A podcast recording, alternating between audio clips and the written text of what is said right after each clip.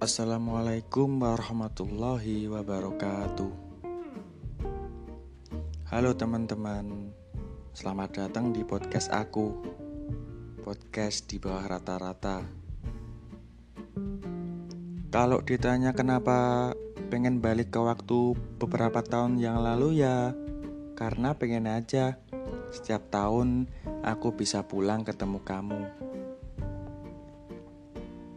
Bahkan setahun bisa pulang dua kali, libur lebaran dan libur pergantian tahun. Walaupun untuk bertemu tatap muka, terkadang aku malu. Berat badan aku sekarang nambah. Eh. Terpaku akan rindu sampai lupa sehari makan empat kali. Maklum, obat paling ampuh mengobati rasa rindu ya makanan masakan kesukaan kamu. Seolah-olah candlelight dinner walaupun tidak nyata. Momen libur Idul Fitri. Momen saat, saat saling berbagi kasih menguras air mata karena rindu. Setengah tahun gak ketemu, sebenarnya banyak yang ingin aku ceritain. Dari soal kerjaan yang berat, circle pertemanan yang terkadang banyak drama, sampai persoalan asmara yang gak ada jalan keluarnya selain keduanya memilih berpisah. Dulu setiap aku mau pulang, aku sering nanya, mau dibawain oleh-oleh apa? Kamu selalu bilang, gak usah. Yang penting kamu lebaran ini pulang aja udah seneng. Seenggaknya itu oleh-oleh sebagai ganti rasa bersalah aku karena setiap kali kalian WhatsApp atau telepon nanyain kabar, kamu mau pulang enggak? Gak kangen rumah? Aku yang selalu jawab dengan kata besok. Kapan ya? Hmm, iya. Besok kalau udah libur. Dan masih banyak kata-kata lagi yang intinya cuma beralasan.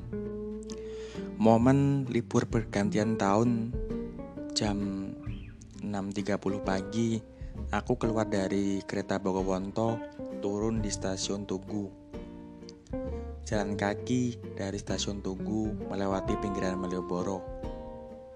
Berasa wisatawan gitu, karena selalu aja yang ada yang nawarin sewa hotel, penginapan, ataupun sepeda motor. Benar-benar suasana yang tidak aku temukan di Jakarta. Salah satu temanku ulang tahun tanggal 26 Desember. Jadi, touchdown di Jogja pertama kali setelah enam bulan menahan rindu, makan sate gratis deh. Sembari menunggu dijemput, sembari menikmati suasana Jogja di pagi hari. Seperti anak kecil yang baru bisa berjalan dengan ekspresi wajah yang gembira, aku dan teman-teman jalan dari Malioboro ke arah 0 km karena di situ setiap tahun setiap aku pulang Jogja biasanya ada seorang yang sedang menunggu. 0 km selain titik nolnya Yogyakarta merupakan titik orang-orang saling meluapkan rasa kegembiraan akan rindu lama tak bertemu. Benar saja, ayahku melambaikan tangannya di seberang jalan di depan Bank Indonesia. Aku tersenyum, kemudian aku menghampiri. Seseorang pernah bertanya kepadaku, kenapa saat perayaan pergantian tahun orang-orang menghambur-hamburkan uang hanya untuk membeli petasan.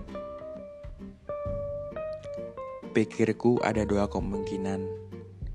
Pertama, dia memang orang kaya, punya banyak duit, yang berpikir, ah, duit setiap hari bisa dicari. Sedangkan tahun baru kan setahun sekali, kenapa nggak dirayain? Dan yang kedua, dia rindu masa kecil saat bermain petasan dengan ayahnya.